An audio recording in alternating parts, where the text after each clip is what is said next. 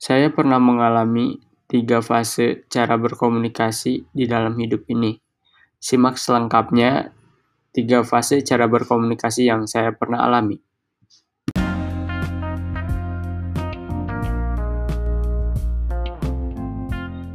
Sebelum kita membahas tiga fase cara berkomunikasi yang saya pahami, saya ingin menyampaikan terlebih dahulu apa arti komunikasi yang saya pahami jadi arti komunikasi yang saya pahami adalah suatu penyampaian makna dari satu individu ke individu lainnya atau bisa dibilang suatu individu mendeklarasikan ke individu lainnya. Jadi mendeklarasikan apa nih? Mendeklarasikan apa keinginan yang dituju dan oleh siapa keinginan itu dilakukan.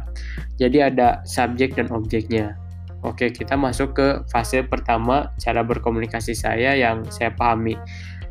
Jadi, fase pertama ini adalah ketika saya beran ketika saya berada di usia anak-anak. Nah, ini adalah komunikasi ketika emosional kita belum bisa diatur atau kita belum bisa memanage emosional kita dan kita cenderung egois segala sesuatu yang diinginkan harus terpenuhi. Contohnya ketika saya menginginkan mainan kepada orang tua saya, saya tidak mau tahu harus dibelikan dan kalau tidak dibelikan saya akan menangis seharian suntuk atau merusak apa yang ada di rumah. Itu adalah cara berkomunikasi fase pertama saya ketika usia anak-anak. Oke, itu fase pertama saya. Nah, kita masuk ke fase kedua Nah, fase kedua cara berkomunikasi saya itu ketika saya berada di usia remaja.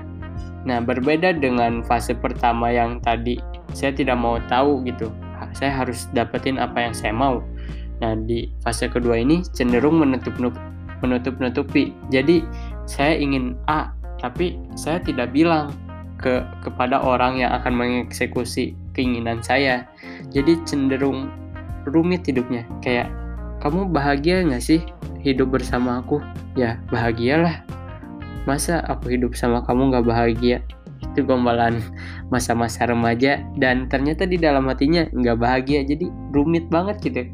Ada yang selingkuh, misalkan gara-gara dia nggak jujur bahwa dia tuh nggak bahagia sama orang yang sedang dilakukan. Ah, rumit pokoknya fase kedua itu. Jadi menurut saya fase kedua adalah ketika saya saya tidak jujur kepada diri, diri saya sendiri apa yang saya rasakan dan yang saya ucapkan. Ini adalah pembahasan di episode minggu lalu. Itu adalah komunikasi fase kedua yang saya alami. Oke, masuk ke fase ketiga. Nah, fase ketiga adalah komunikasi ketika saya beranjak menjadi dewasa. Nah, yang saya pahami ketika berada di fase 3 ini adalah kita dapat memahami dan dapat mengeluarkan apa keinginan kita tetapi dibarengi dengan kematangan emosional dan tahu gitu eh, nggak egois. Misalkan saya berada di usia yang beranjak dewasa ini ketika saya ingin dibelikan mobil gitu oleh orang tua saya saya harus melihat apakah orang tua saya mampu atau tidak. Jadi kita lebih mikir dan lebih meng melihat orang-orang di samping kita apakah orang-orang yang kita inginkan mengeks mengeksekusi keinginan kita apakah dia mampu atau tidak dan jadi kondisi ini kondisi fase ketiga ini adalah kondisi di mana kematangan berpikir itu telah tercapai. Dan kita dapat dapat apa ya? Kalau bisa dibilang kayak mentoleransi gitulah. Mentoleransi ketika seseorang tuh emang tidak bisa melakukan itu. Itu bukan kapasitas dia. Nah mungkin itu sih tiga cara komunikasi yang saya pahami di kehidupan ini. Mungkin ada teman-teman yang mengalami fase-fase komunikasi yang saya sebutkan, boleh di-share gitu ceritanya biar kita asik diskusi dan bisa jadi ini menjadi bahan atau menjadi